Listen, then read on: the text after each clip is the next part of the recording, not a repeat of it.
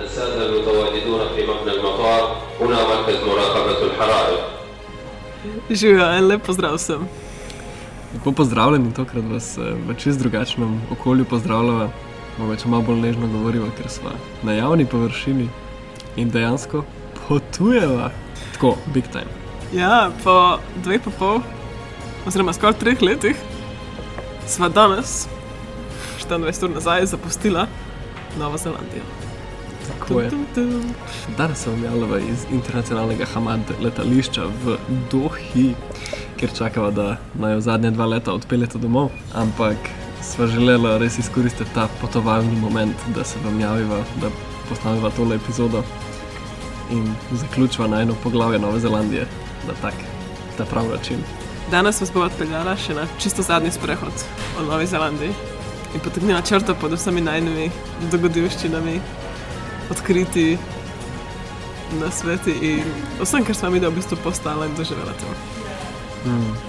Uživajte v tej epizodi z živimi zvoki in naj vam tale gospa pove, kar se tiče. Paste, da ne boste zamudili svojega leta. May I have your attention, please? This is Fire Command Center. Please be advised at 9 a.m. today there will be a fire alarm test in Purple Sea.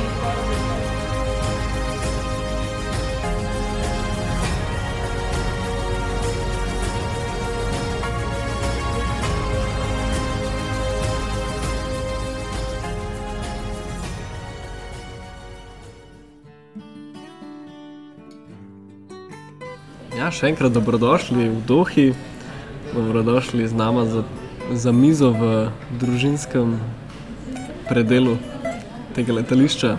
Sva najdla čim bolj miren kotiček, da se lahko javljava, ampak še vedno boste slišali vse najne kolege, ki, Ki se tudi javljajo svojim družinam Točno po to. računalniku.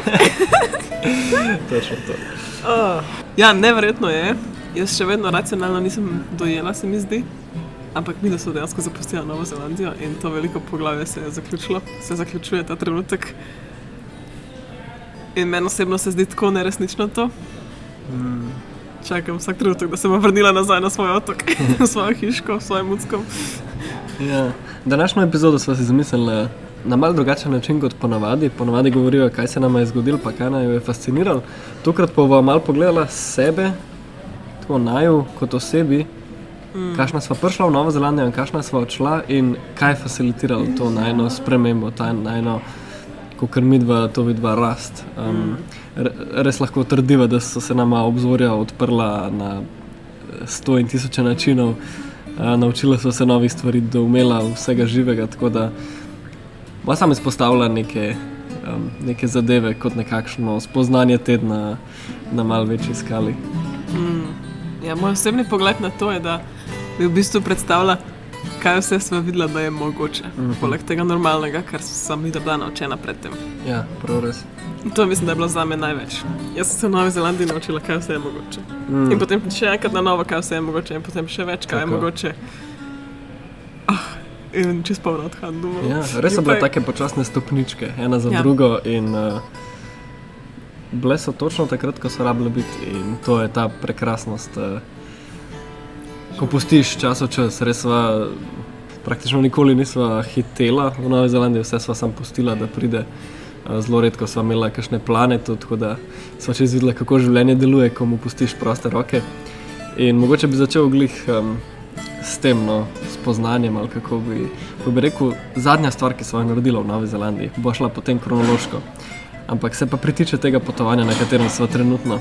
In to je to, da smo se zaobljubila temu, da ne bova stresirala. Se pravi, imela sva uh, vizijo potovanja, oziroma zapustiti državo, v kateri so bila, ne, kar konkretno časa, brez stresa. To nam je skoraj uspelo, še vedno na letališču, potem bilo z raznimi kilogrami v najnih torbah, um, en tak, eno uro stresa vse skupaj. No, jaz bi tukaj še dodala, začel se je že zjutraj, ko smo ugotovili, da kljub temu, da smo že poslali eno pošiljko domov, imamo še vedno preveč kil. Mm. So potem poslali še eno pošiljko domov in posledično bila že malo pozna, na kar si ti izgubil denarnico. Ja, nisem je najdel in to je pa ena od unih stvari, ki pa samo pač se lahko pripravljaš dva meseca, kar smo se. In na koncu koncev pa še vedno ni bilo te denarnice, ker se je zataknila med sedeže, ker sem se zjutraj pelil z avtom, res kar neki. ampak eh, je bilo pa dosti, da, je bilo, da smo šla na eno uro kasneje na trajekt. Pa, Tako naprej, ko se je vse malo zavleklo, dodal malo tega stresa za. Adrenalina. Ja. Ampak se je super končalo. Sva uspešno prišla, uspešno že prezgodaj. Ah, zdaj vam bom kar kot opombo povedal, da bom rezal ven vsakeč, ko bo nekaj takega. Da nas ne bodo preveč motili. Razen če lahko dvoje hkrati poslušate. Ja. Jaz ne vem, če Arabsko lahko in- govorim in poslušam, mene težko je. Sploh ne razumeš jezika. Ne, ne, sam. Mi da nismo spali že tako veliko ur. Ampak ne zato, jaz se počutim res čudovito. Ja, ej, In ful- navdušeno. Jaz se ful bolj spočito počutim, kot ponavadi. Res nisem pričakoval, da bom sposoben takole govoriti, pa celo kakšen smiselni stavek skupaj spraviti. Čisto. Ja, se mi zdi, da zavlačujejo čez isto, kar ponavadi. Tako da je. Tako je. Okay. V glavnem, ja, najn eh, brezstresni, eh, brezstresno poslovanje je bilo odlično, ker so dejansko, namesto da bi zadnji teden ali pa zadnji dan vse naredila, sva šla že dva meseca prej vsak dan na plažo, pa na sprehode, pa z ljudmi sva se videla. Imela sva to srečo, da je veliko ljudi tudi odhajalo, pa sva se lahko počasi poslavljala od njih vsak teden od kršnega. Ampak vse sva delala tako na zalogo, tako sva si dala čas, tudi karto sva kupila rajš en mesec kasneje kot en mesec prej, glih zato, da bova lahko naredila eno kodo na enemu simfoniji Nove Zelandije, ne? če govorimo o glasbenih te, terminih, ampak točno to sva si dala to darilo brez stresa in bilo je genialno. O, zdaj pa na tem momentu se pa lahko peljeva tri leta nazaj. Malo manj, takrat, ko sem jaz prvič prišla na Novo Zelandijo. Ja, Zdaj, jaz sem prišla na Novo Zelandijo sama, oktobra 2019, moj bog.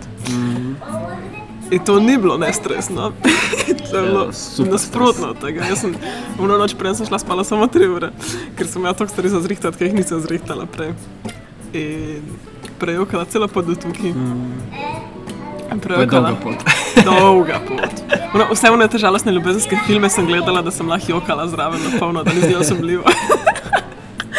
ne, ampak tudi ko sem prišla, sem se počutila tako osabljeno in v novem kontinentu. Nisem imela pojma, kaj ne sama s sabo, da sem tudi prejokala pred dva dni, dokler nisem šla potem na Vajhiki. Ker pa bom iskrena, rekla, da se začne moje življenje odpirati na čist drugačen način, kot sem kadarkoli pričakovala. Ja, in jaz sem sama preživela na Vajhiki tri pa pol mesece, spočemo, ja, skoraj tri pa pol. Ja. Prej sem ti prišel. In že to je bilo za me takoj čist ena nova avantura.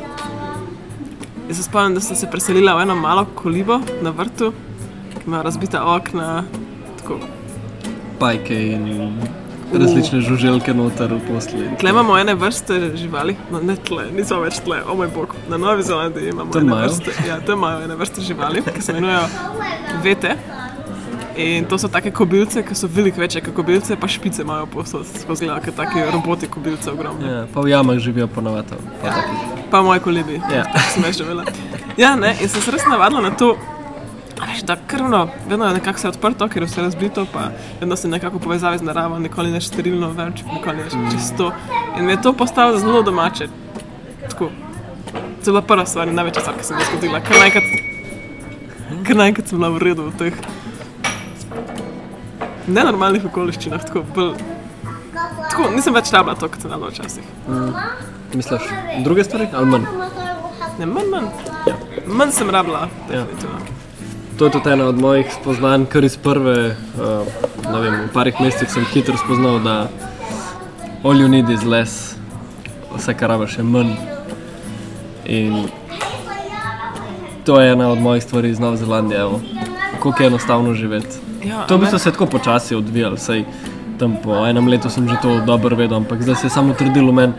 Tudi, uh, mislim, da to je ena stvar, ki jo lahko sabo vzamem in jo nosim vedno sabo. Je, kako ne rabiš v resnici ničesar? Lepo je imeti kakšen dokument s sabo tako, za, za legalne zadeve, ampak ne rabiš čevljev, ne rabiš denarja, ne rabiš ničesar, niti plana ne rabiš, lahko samo greš in se bo nekaj zgodilo. Ne? In karkoli že tvoj namen, pač Zgodil se bo tako ali drugače. Ne rabiš ničesar planirati, pa vse na vse pomisliti, pa za vsak detajl poskrbeti. To je bila ena velika stvar, ki se je meni zgodila. Jaz sem toliko skrbela glede denarja, preden Ja. sem šla na pot, če ga bom imela dovolj, pa kaj bom potem delala. Pa, to. pa se mi zdi, da vedno, ko govorim s svojimi kolegi, pa vsemi, vedno so vsi tako, jo, meni se ne zdi, da imam dovolj denarja, da grem na pot, jaz rabim našparati, jaz rabim našparati. Ampak takoj, ko sem prišla na Novo Zelandijo, sem spoznala, da to je napaka številka ena, da mi to mislimo. In jaz sem tudi to mislila, jaz sem s tem vzgajana bila, ker v resnici tukaj je to lahko, ne tukaj, posod lahko delaš, posod Ja. lahko delaš. Lahko daš Novi Zelandiji, lahko daš kjer druge države, kjer priješ s kjerkoli vizo delovno. Ja, včasih niti vize ne potrebuješ, ko lahko recimo na marketu prodajaš svoje izdelke ali pa tisoč in en način je, kako lahko zaslužiš. Online, recimo, online Ali pa delaš, dela. delaš za prebivališče in hrano, ne? woofing se temu reče. Mm. Ne rabiš, nisi plačan z ničemer drugim, razen s tem, da si lahko nekje doma ali pa imaš dostop do nečesa. Sej. Vedno je nekako drugačen dogovor, ampak ja, sploh ne rabiš imeti denarja v igri, konc koncev.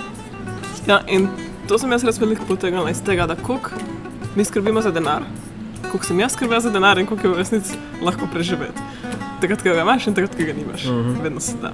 In še, še posebej, če se, moram reči, da tako, bolj kot smo se družila s temi potovalci, pa se naučiš tako. Ja. Tips in triks, kako še boljš preživeti brez denarja. Uh -huh.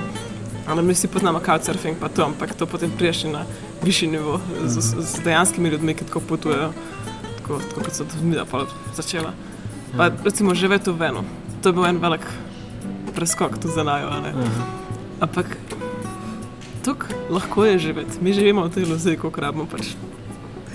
Seveda, super je med hišo, meni jaz obožujem med hišo.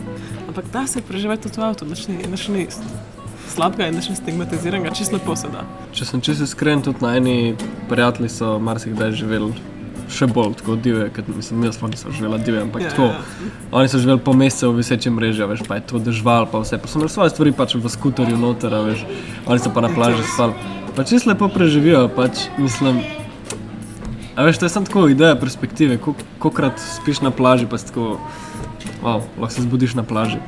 A veš, na mestu, no, o ne, pesek imamo v hrani, kar je itak. Ker imaš tako, tudi če ne živiš na plaži.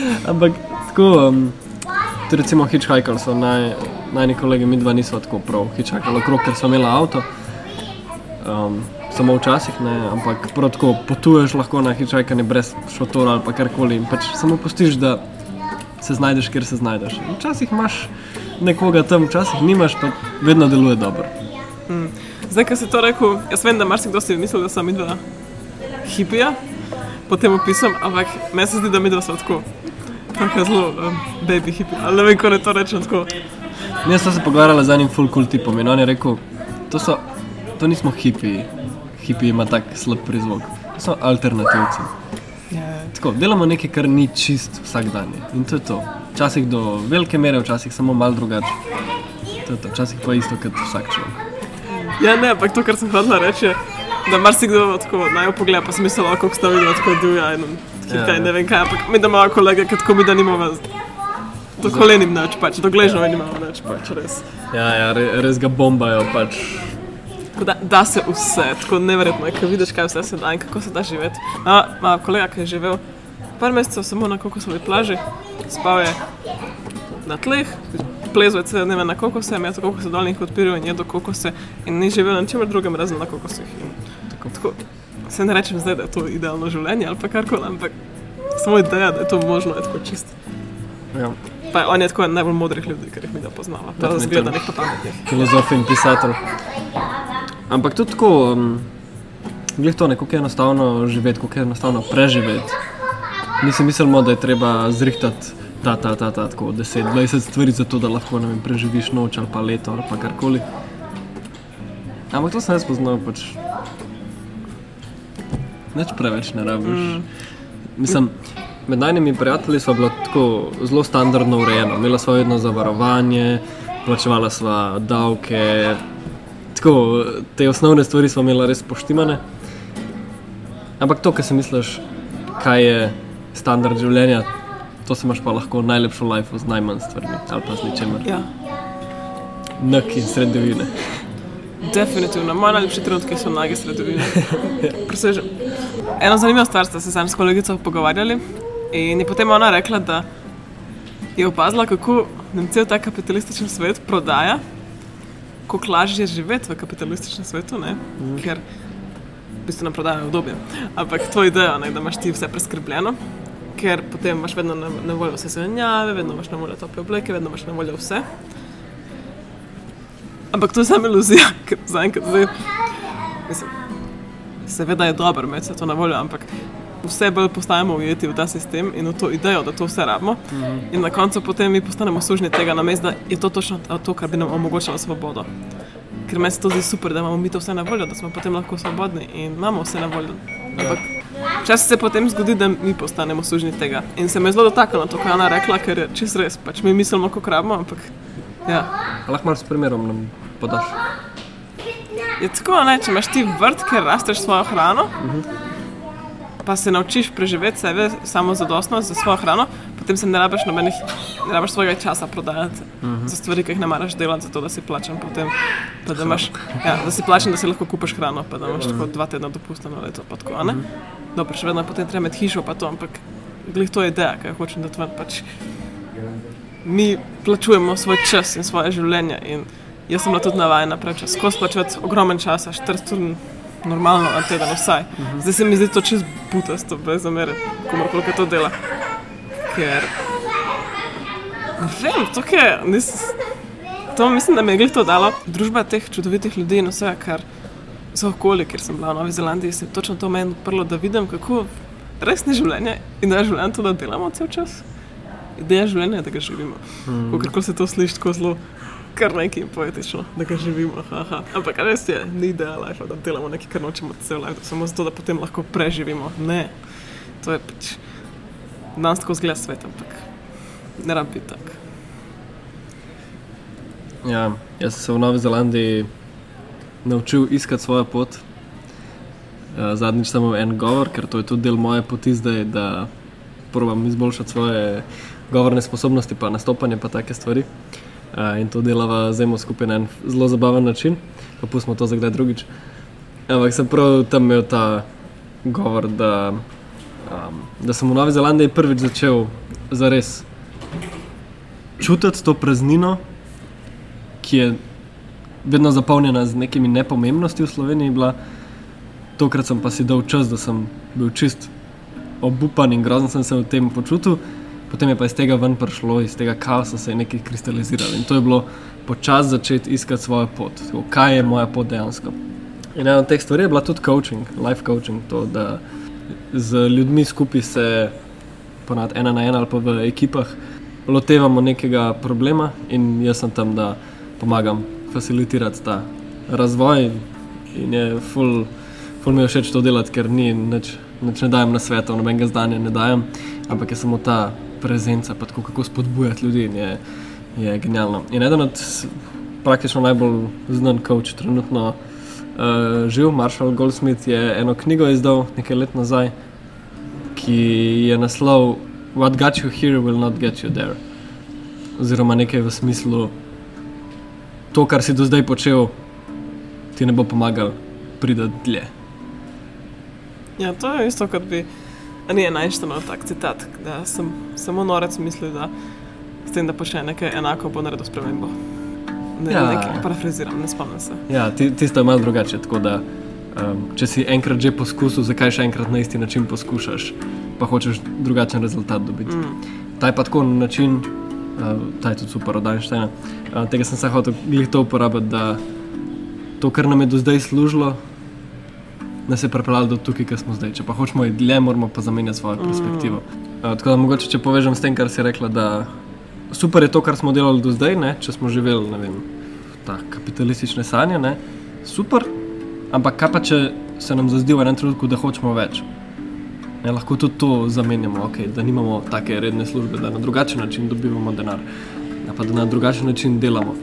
Tako da to je moje darilo Nove Zelandije za me, glih ta uh, odpiranje obzori, koliko je možno, koliko je to možnosti um, živeti svoje življenje. Ja, ti si rekla, da je treba živ življenje zato, da se ga živi. Ampak kaj to res pomeni?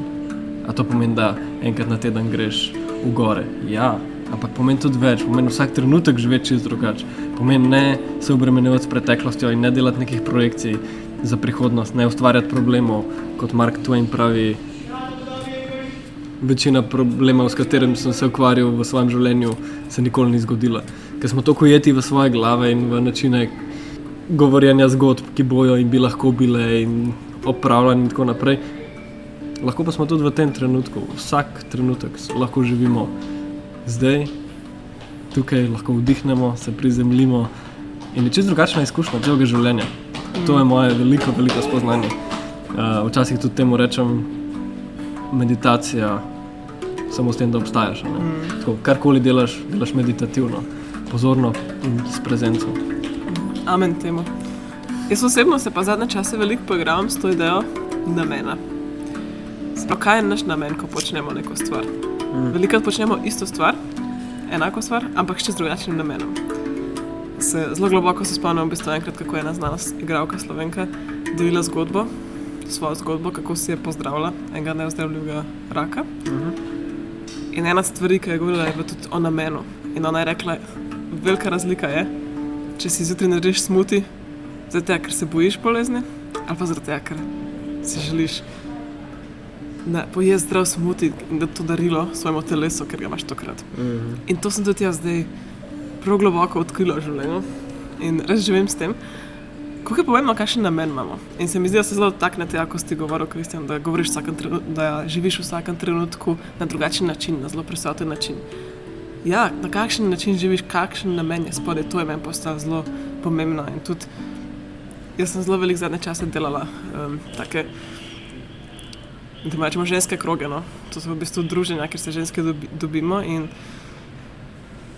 samo v bistvu nekako se povežemo, delamo so, delimo svoje zgodbe, si pomagamo. So ustvarjene. So ustvarjene, ja. In res tako globoki, globoki procesi. In sem tudi prek tega odkrila, kako pomembno je. Nič ni pomembno, nobene prakse niso pomembne, nobene vaje niso pomembne, nič ni pomembno. Pomembno je, kakšen namen je za njimi. Mm. To, je- to je za me. Mislim, seveda so. Potem, šele potem, ko imaš namen, potem lahko zbereš prakse, potem lahko vse postaviš na to. Ja. Ja. Ne morem jaz narediti ničesar, če najprej ne vem namena, ker drugače delamo vse na neki. Dam rastlino brez korenin v tla, mm -hmm. pač ne bo rasla, če ne korenin.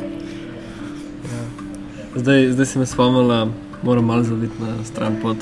Uh, Glih berem od Dipaka Čopra sedem, sed, sedem nasvetov za uspešno življenje, mm. nekaj tasga bi bilo po slovensko. In je prav to govoril, pravi pozornost oziroma attention, se pravi na to, kar se osredotočamo, to je energija, to je zagon. Ja, prav res. Intention, oziroma naša namera, je pa transformacija, je pa to, kar se bo, kako se bo ta energija uporabljala, na kakšen način bomo mi ta attention uporabljali, oziroma um, kako se bo odražalo to. In to je pa skupaj, kar iščeš, ne attention, pa intention. Tako da je zelo zanimivo no, videti, kako se to še v drugih besedah um, pokaže ista ideja. No. Ja. Ok, ampak Follower, ja. ne želim se preveč razgovarjati o tem, ker več bo govorila o tem pol ure. Definitivno. Tako da naslednja stvar, ki jaz zelo opazim, da se je s časom dogajala, pa že začetka, ampak zdaj pa je še toliko bolj potencirano, je to, kako lahko je ustvariti nova prijateljstva in se povezati z novimi ljudmi. Mene je bilo spet tega najbolj strah, preden sem prišla. Uh -huh. Tako ne bom nobenega spoznala, ne bom tako z nobenim se ujela. Uh -huh. Ker se mi zdi, da mogoče za me življenje v Ljubljani je bilo bolj tako, da se nisem tako povezovala z novimi ljudmi. Uh -huh. To se pač ni počelo, ali, ne ali sam jaz nisem počela. Ja. Ne morem zdaj druge v to vleči. Ampak zdaj vidim, kako je to lahko. Tako, vsi mi samo želimo ljudi okoli sebe, biti srečni, uživati življenje. Noben ni zdaj tukaj neki poseben ali pa neki, neki več ali pa neki manj.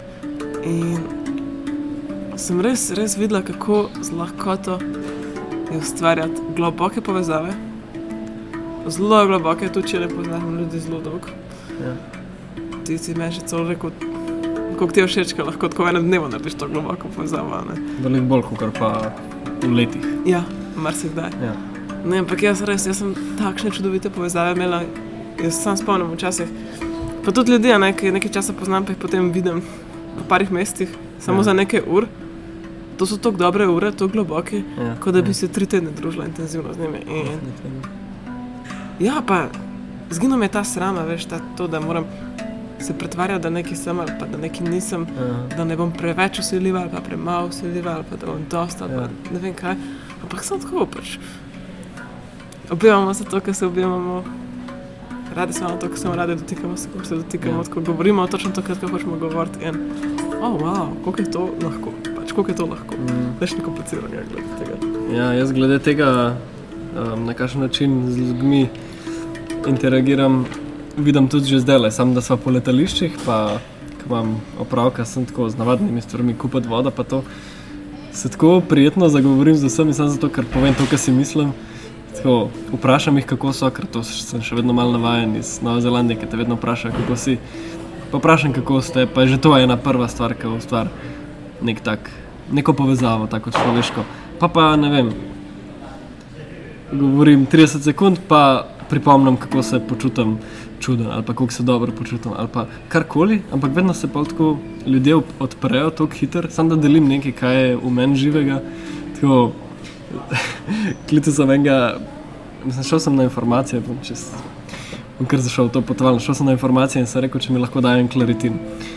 In je poklicala paramedika, prav tega medicinca, je prišel s kolesom po letališču. E, biciklo, ja. In pa je eh, in pa rekel, da nima. In pa sem si rekel, a te lahko še nekaj vprašam, ker nima veze s tvojo službo. On tako, ja, kar kar. In jaz tako, kaj za vraga ta medvedek, ki je tako, ne vem, desetmetrski kip enega medveda, full žalostnega, Pa ne samo da je. prešpikana z ja, lučjo. Točno to, tako prešpikane čez telo. Tako. Tako, ful neki čuden. Pa so se pogovarjali, kako se tudi njemu to zdi ful čuden, pa tako sploh ne ve, kaj je point. Ampak tako, tako so tak lušen moment delila, veš, pa so se nasmejala, pa tako malo. Um, mene je tudi to zanimalo, tako, zato sem ga vprašal. Ampak sem ta iskrenost in to, kar si rekla, kako se lahko povezati. Mi iščemo pri ljudeh več ali manj tri stvari. Iskrenost, se pravi, ti lahko zaupam, sem lahko iskren s tabo, a se lahko zanesem na te, tako, če bom rabil pomoč, a mi boš pomagal. In pa sprašujemo, a smo lahko slišani, a nas lahko slišiš. In to so ene take zelo osnove, povezave, ki so pa v bistvu vse, kar rabaš. Vse ostalo je samo tako okraski na tem, kaj poveš, ali pa kaj hočeš nekomu predati, ali pa kaj nekoga učiš. Nima niti veze, ker ta pravi connection, ta prava povezava človeška je pa ravno to, da smo odprti, da smo iskreni. In en full dober point je glih to, kako ustvariti ta connection, je tako, da začneš.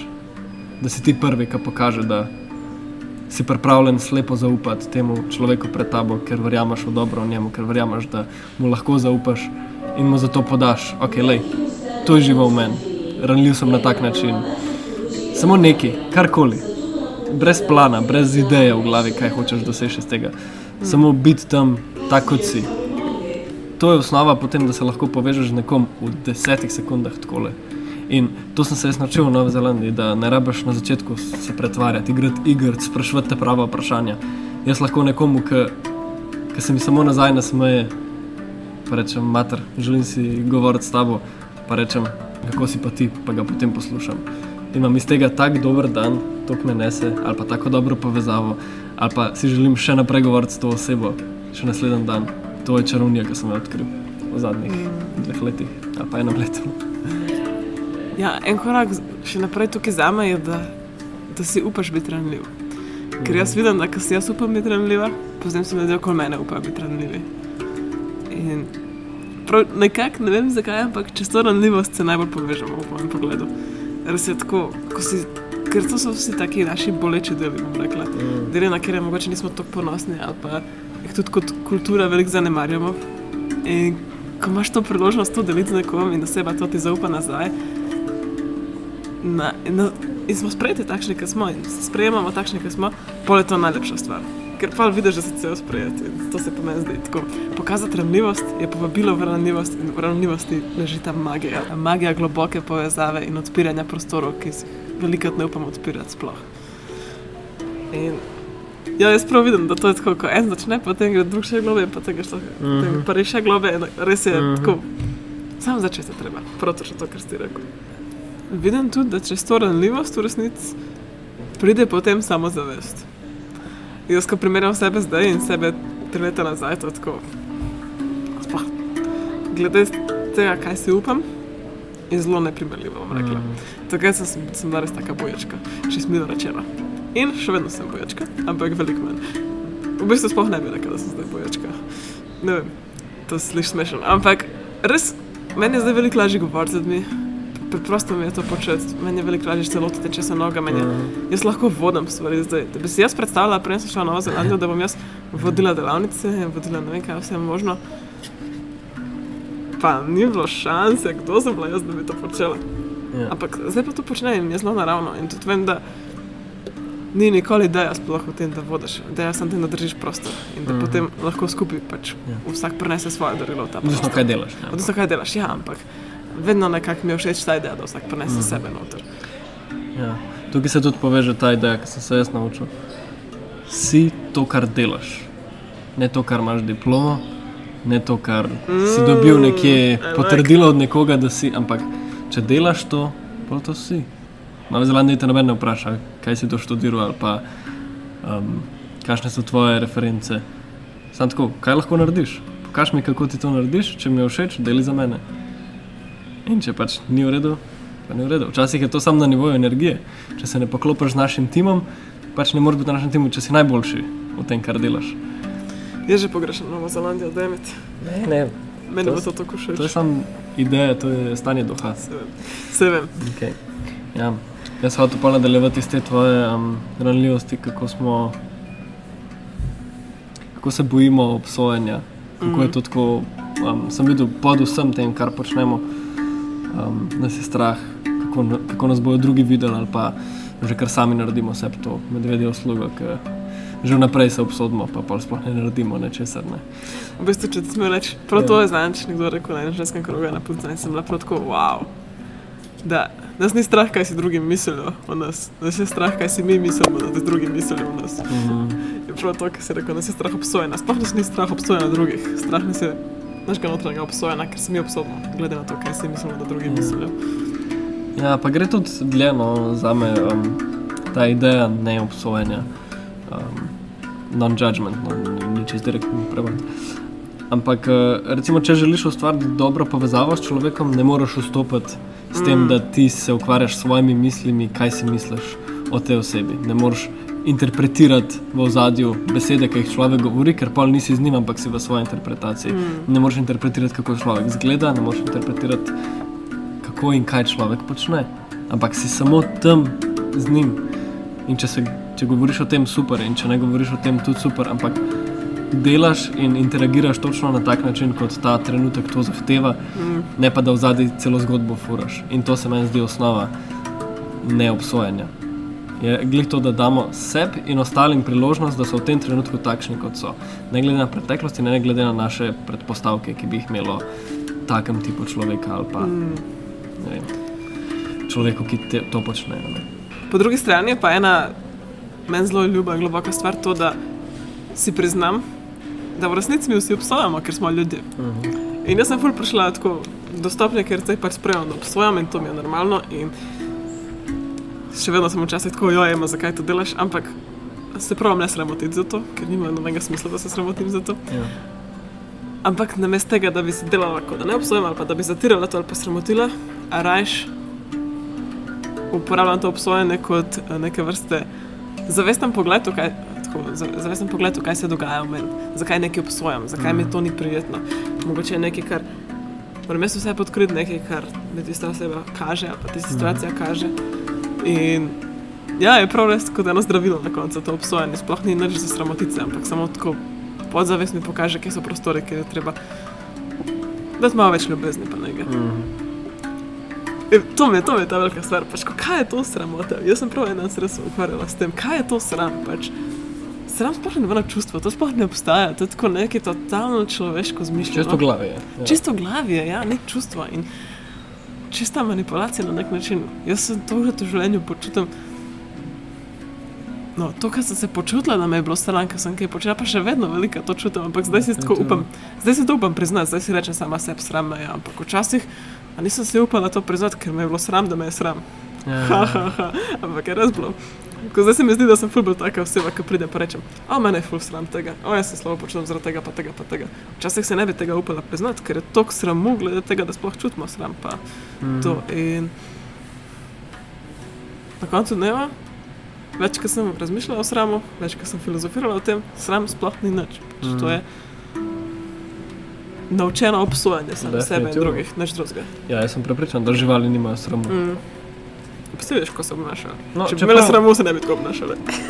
Čeprav mogoče je podobno čustvo tisto, ko volkovi dajo rep med noge, veš, ki zgubi nek, pač, nek duel, a veš, Mm.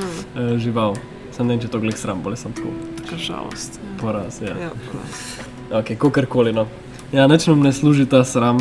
Je super, um, da vidimo, kje so naše nekako blokade ali pa predsotki, ampak sam pa se pa nam ne dela preveč usluge. No. Ja, na isti način sem enkrat slišala, da to, kar imamo odpora. ne. Začutimo, da imamo odpor. In pa imamo odpor do tega, da imamo odpor. Mm. Kar je Hočemo, da je vse ful lepo. Ja, in pa je to kontraproduktivno. Ena stvar, ki mi je zdaj padla pamet, medtem ko je ta ženska napovedovala nove avione, je kako zelo profesionalna sem, jaz osebno v tem, ampak to je tudi ena čudna lastnost. Kako, ko čutimo slabe emocije, slabe, kako že to je, ampak take negativne emocije, pol posledično čutimo negativne emocije, glede na to, da čutimo negativne emocije. Mm. Se pravi, ker sem žalostna, pa postanem žalostna zaradi tega, ker sem žalostna. Tako, o ne, zakaj si zdaj žalostna, Ema? Da je bolj žalostna zaradi tega, ker si sploh bila žalostna v prvi vrsti. In se mi zdi, da to vse pride s tem ali nesprejemanje česar koli, kjerkoli čustva ali pa kjerkoli obnašanja, ne? potem tako isto stran tle pride noter. Pač nesprejemanje, iz nesprejemanja potem pride nek sram ali pa še dodatna čustva, ki jih nočemo čutiti, glede tega, da smo že v prvi vrsti čutili neka čustva, ki jih nočemo čutiti. čutiti. Mm. In jaz sem začela krok sranja, ne veš, da samo sprejmemo, da smo, kar smo. Pač, Ja. Za me je ena največjih stvari, ki mi jih je Nova Zelandija dala in to se je vse odvilo v zadnjih dveh mesecih, je ta temna stvar, stran človeštva. Tako pač mi smo to. Jaz sem celo življenje bežala od te temne strani človeštva, tako to, da imamo slaba čustva, to, da se stvari dogajajo, ki nam niso všeč. Tako, Jaz sem hotela biti tu na razsvetljeno bitje, ki govori samo o ljubezni, samo o rožicah. Tudi sem to delala včasih, ampak to Ja, ni life, to ni življenje. In se mi zdi, da je prišla ta neka lepota in svoboda do mene v tej obliki, da sem sprejela tudi to, kar imenujemo slabo včasih. Mm. Ja, definitivno, jaz sem se tudi uh, naučil biti veliko bolj tako prijeten na svoji koži, takrat, kadar mi ni prijetno. Mm. Pač nekdo reče, kako si rečem slabo. In je super, fule dober, fule boljši film, kot reče dober, pa biti še vedno slabo. Ampak to je čudno, ne veš? Mi smo tako navadni, da ljudje rečejo dobro, da ko nekdo reče slabo, da veliko druga oseba sploh ne ve, kako reagirati. Ja, točno to smo Meni se- več kot bi. Ja, meni se to fulkrat zgodi, da mi je kdo rekel, da vprašam, kako si nekdo reče slabo in jaz sem tako. "Kaj kaj? Čakaj, tega na avtopilotu nimam tega odgovora, kaj zdaj? in res moraš biti pa present, Ja, ja, prisoten. ja. In ne s tem, da pomagaš, ne s tem, da miriš, ampak samo s tem, da si, da, da slišiš to bolečino, mm. da jo acknowledgeš, da jo nekako ozavest, tako, da, da daš človeku vedeti, da je slišan. Mm. To je v bistvu darilo, ki ga vsi iščemo. Um, Valjda ni to naša odgovornost, da vedno dajemo, ampak znati to je pa full dobro narediti. Nenasilna komunikacija. Definitivno. Kaj nam je Nova Zelandija dala? Največja stvar, nenasilna komunikacija. Definitivno še vedno um, reklama za kogarkoli. Delite nenasilno komunikacijo, spoznajte se s tem konceptom, izboljšajte si življenje, dajte si narediti nared to uslugo To res spremenja. za ljudi okrog vse. vas, za sebe, res karkoli vam je motivacija, vršite se v to, vredno je. Če bi v teh treh letih se sam to naučila, bi, bi se po mojem naučila že tako. Skoraj Ja. vse. Ni slabo. Ja. Ja, v bistvu je dosti smešno, da to, kar govori nenasilna komunikacija, je v bistvu vse, kar smo do zdaj govorili o tej prezenci, o tem, kako dajemo mi darilo drugim. Ampak nenasilna komunikacija je način življenja, tako da mm. je logično, da vse to zaobsega. Pa tudi lepo je včasih spoznati po svoje, pa še z drugimi primeri, vse, kar prebereš v knjigi. No. Ja, to, točno to sem mi dva rekla, ko smo na nenasilno komunikacijo. Ko da je dejansko, ko da smo že poznala to vse prej, sem, da ni imelo pisa. Ja. Ja. Ko da je to dalo besede temu, kar itak vemo, Tako. ampak pač nimamo Ja. nikjer Ali napisano. pa strukturo temu, mm. Kar smo že pač intuitivno doskrat Ja. počeli. Zdaj pa je samo še to klaži, ker razumeva zakaj, pa Ja. kako deluje vse skupaj. Cool, ja, um, pol mogoče no, če greva sam čisto po najni poti, sva gliha, ki so tole pripravljala, malo razmišljala, kva hočem povedati. In uh, meni je bilo ful zanimivo, kako sva odkrivala načine soustvarjanja, to, kar si že omenjala, ženske kroge. Ampak šla sva na festivale in začela sva s festivali, ki so O, bili ja. ko temu rečemo zavestni, no, bom kar direkt povedal, Conscious Festivals. To so v bistvu odkrila sva festivale, ki so brez alkohola, ki so pač, no, dobro, kakšna droga je že tu pa tam, ampak v resnici večina ljudi je večino časa treznih. In je noro videti, koliko bolj globoko greš lahko z ljudmi na, takem, na take sorte festivalu, koliko bolj uh, greš lahko sam vase globoko, koliko se lahko povežeš s svojim bistvom, uh, koliko so lahko močne izkušnje, ki jih imaš tam, res stvari, ki jih nikoli prej nisem videl, da sploh obstajajo. In to se nam je zgodilo najprej čisto na festivalih, kjer plačaš karto in greš um, delati, kar pač delaš, in greš na delavnice. Dobro, to je že nekaj novega. Ne? Um, festivali sem do, do zdaj vedel samo z glasbo, no, ampak glavno ima nek, nek tak okvir, um, pa tudi kapitalistični kontekst, ne, da je to pač stvar, od katere se služi. Pa smo šli na festivale, ki so bili še bolj tako prepuščeni sami sebi, sicer plačaš vstopnino, ampak je zelo malo delavnic, zelo malo dogajanja, pa zelo veliko prostega.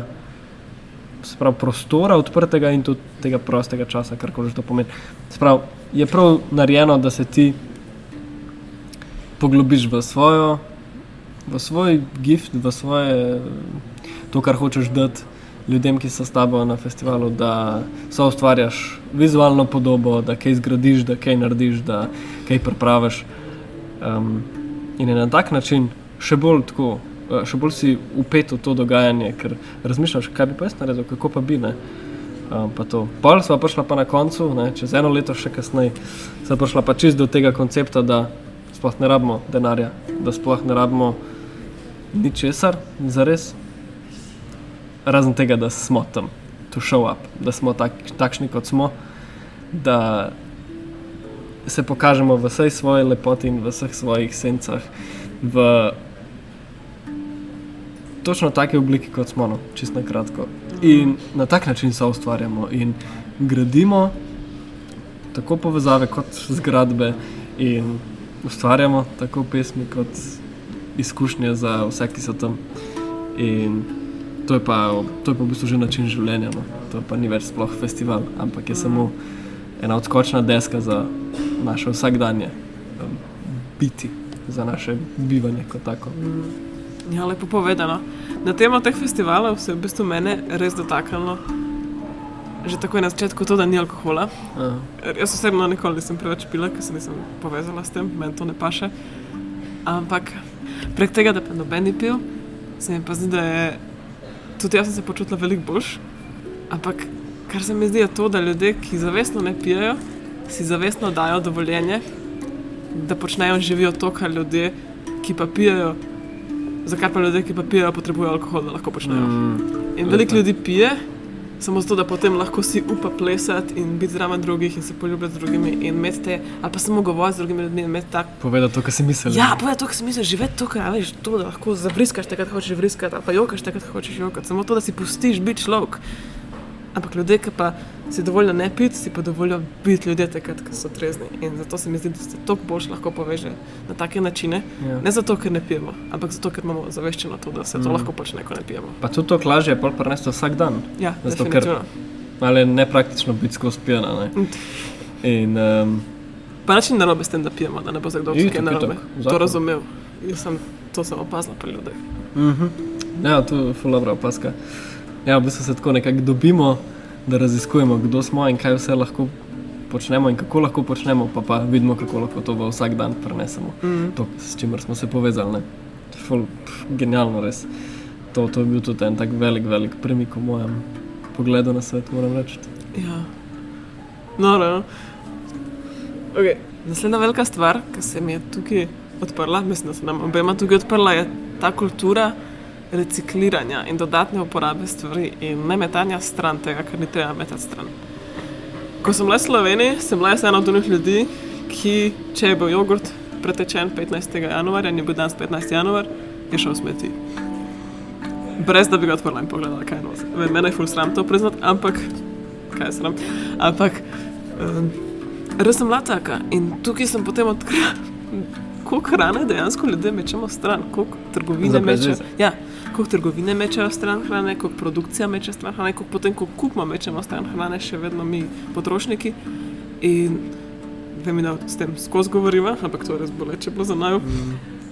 In so odkrila, kako obstajajo tukaj načini, ki dejansko rešujejo to hrano, ki je čist kvalitetna in še dobra, ampak iz določenih vem, Zdravstvenih stvari- ja, razlogov, no. Recimo, da je embalaža malo pretrgana, ali pa da je datum poteče jutri ali pa danes, ali pa kaj tasga, je pač načeloma vržena smeti. Mhm. In se je res cel ta bolj zavestni aspekt življenja odprl za naju, Mhm. kako bolj skrbeti za stvari. Niso stvari samo umevne. In hrana definitivno ni samo umevna. Hrana nam daje energijo, hrana je življenje in zaslužite, da jo spoštujemo. In mi je tako lepo videti, kako v Novi Zelandiji so zelo zavestni glede tega in imajo zelo veliko programov reševanja hrane. Da pač ne gre za brezvezno stran, ker ne rabijo. Ja, pa tudi za stvari gre. Imamo ta zelo razširjena je kultura opshop oziroma drugoročnih trgovin, second hand stores. Um, ker v bistvu je zelo normalno, da stvari se ne prodaja, ko jih hočeš stran vršiti, ne uno, da zaslužiš za vsako coto, uno, 2 evra. Ampak jih enostavno odneseš, doniraš jih, tako kot jih mogoče doma včasih, ki se zelo počutimo radodarni, odnesemo na rdeči križ. No, tako jih odneseš tukaj, najlepše obleke, ki jih imaš, jih odneseš v second hand. In zakaj to narediš, zakaj je to normalno? Ker veš, da boš lahko jutri šel v to štacuno in kupil še lepše stvari in še boljše stvari. Za tok mali denar, Tok mali, to, res, res, nič ne tok mali denar, da bi še kaj drugega dal. Zato mislim tako, če primerjaš vrednost. ne. Mhm. In je samo ta ideja recikliranja, reuporabe. Um, to, to je tistih pet rejev, ne? reduce, reuse, reproduce. Reproduce, V glavnem, recycle. ja, recycle. Um, ravno to, da že pomislimo, kako lahko še enkrat uporabimo ali kako lahko popravimo. A veš, kled, marsikdaj dobiš, vem, eno stvar, ker rab samo nekaj ur pozornosti, da pač jo popraviš, da jo nazaj pripeleš v tisto stanje, ker rab. Pa ne nekaj ur, včasih pet minut. Ja, ja, odvisno, Kot tri ne. šive, veš. tri šive, ali pa zamenjaš gumo, ali pa popleskaš ja. nekaj, ali pa čisto odvisno, kaj dobiš. Ne. Ampak ja, kolikrat smo dobili stvari, ki so za ston, pa so bile super, ali pa so za ston, pa rabijo samo malo pozornosti, malo ljubezni. In to je ta stvar, da smo pozorni na vse, kar delamo okrog sebe, ne da mečemo stran, ne da brez, uh, brez glavo kupujemo stvari iz Kitajske. Tako, smo lokalni, eh, krožimo, krožimo naše dobrine, hrane, dajemo in, in sprejemamo z odprtim srcem. Tako bom rekel. No. Ja. Za me je v bistvu vidim, kako zelo globoko se je v mene zdaj ugraviral ta občutek ekološkosti in čuvanja stvari in Aha. čuvanja narave. Ker ravno včeraj, ko sem šla na avion, sem imela preveč kil in sem mogla dati stran stvari. Ke, in sem jaz vprašala gospod, ki je tam delala, če lahko nekam te strani s- teh par oblek odnesem, da pač ne bojo šle v smeti. In so rekli, ne, moraš iti v smeti. In mene je veliko bolj bolelo to, da sem mogla obleke dati smeti, kot to, da sem jih mogla dati stran. Ful lepe obleke, ful lepe knjige. Oboževala sem te obleke in te knjige, ampak res, mene, je- jaz sem se pol tako prosto, sem me tekla dol, zaradi tega, ker sem mogla v smeti, v kanto za smeti vršiti tako Ja. popolnoma čudovito uporabno jopco, ki bi jo lahko kdorkoli drug nosil. In to se mi zdi prav ogabno, ne morem z- druge besede najti za to.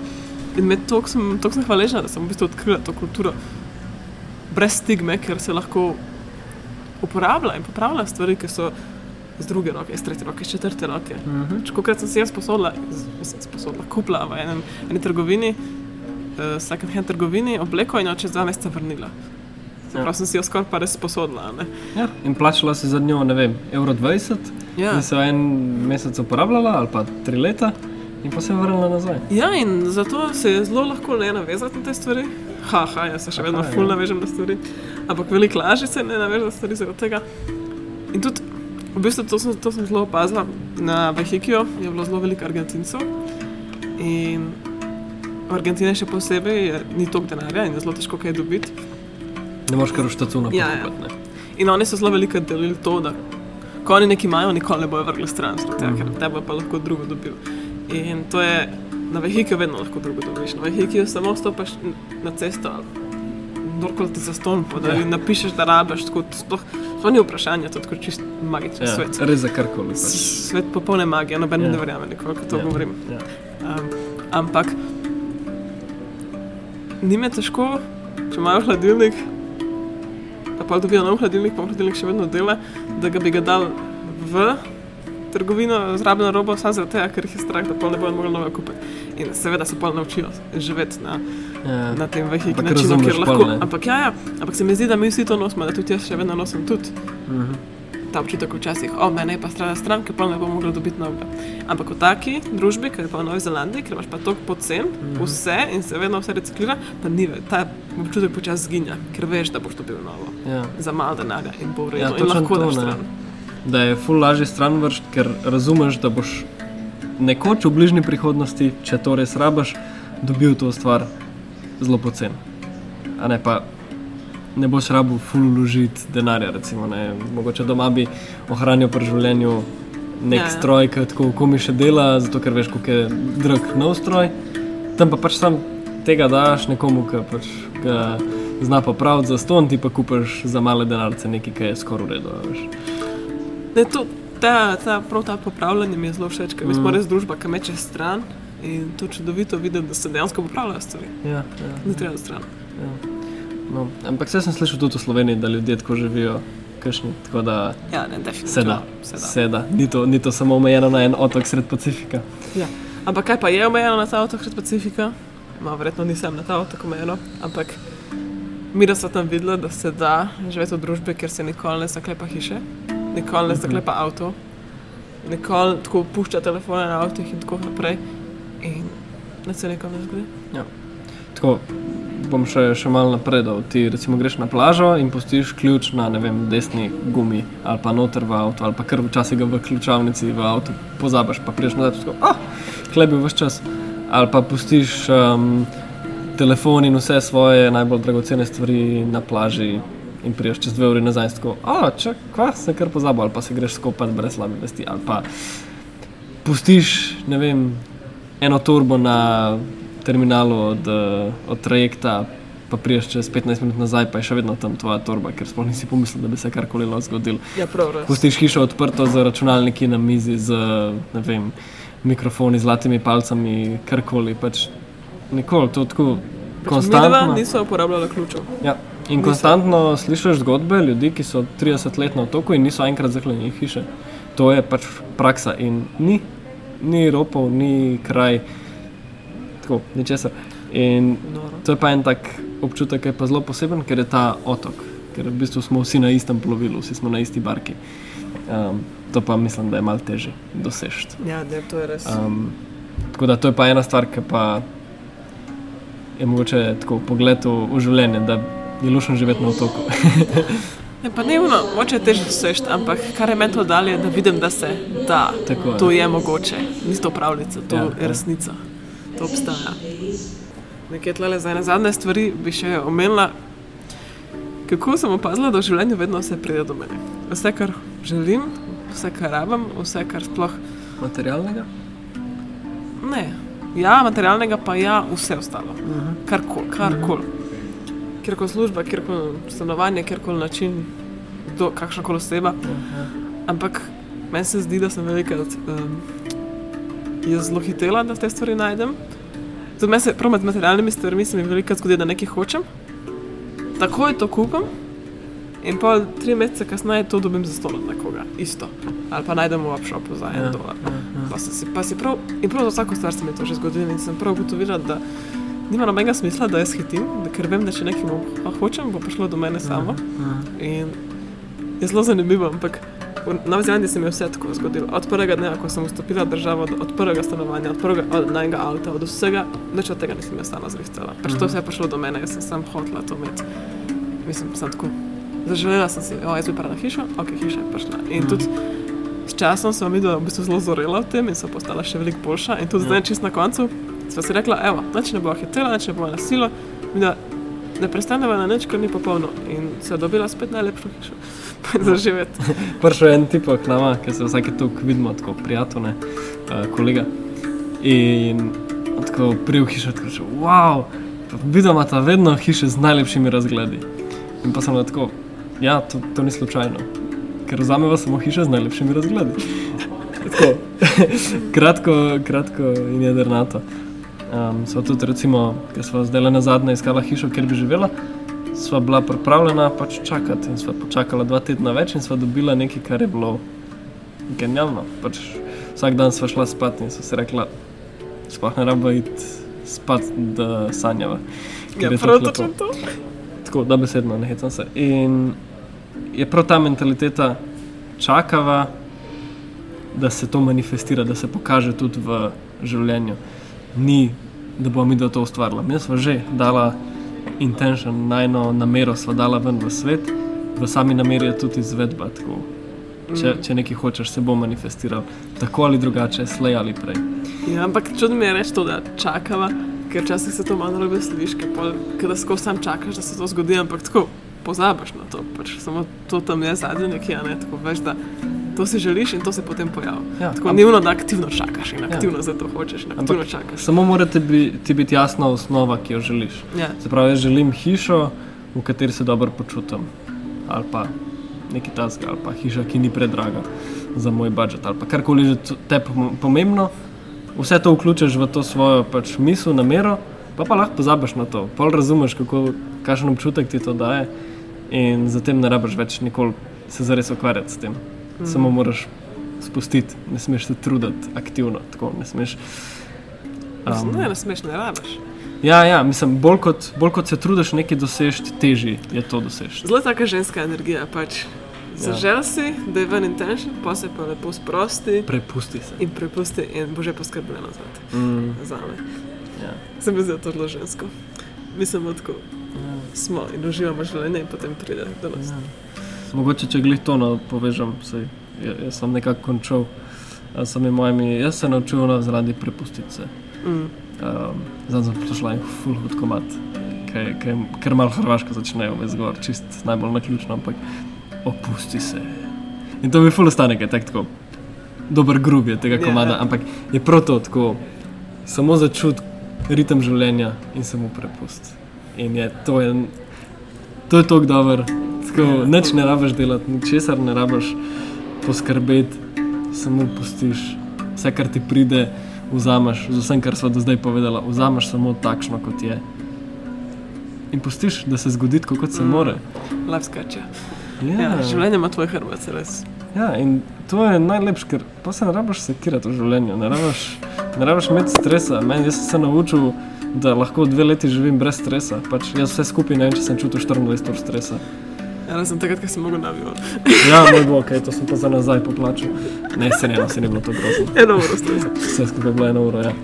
Ampak prav to, kaj enkrat spustiš, ker nisi tako um, navezan na to, kdaj in kako se bo zgodil, potem se vse zgodi ful lepš, kot bi si lahko predstavljal. To je ta lepota vsega skupaj. Ja, pa to je tako. Jaz pri sebi vidim, da ko sprejmem te stvari, ki so malo bolj nezaželene, pa Aha. negativne, pa Aha. neudobne, pa to.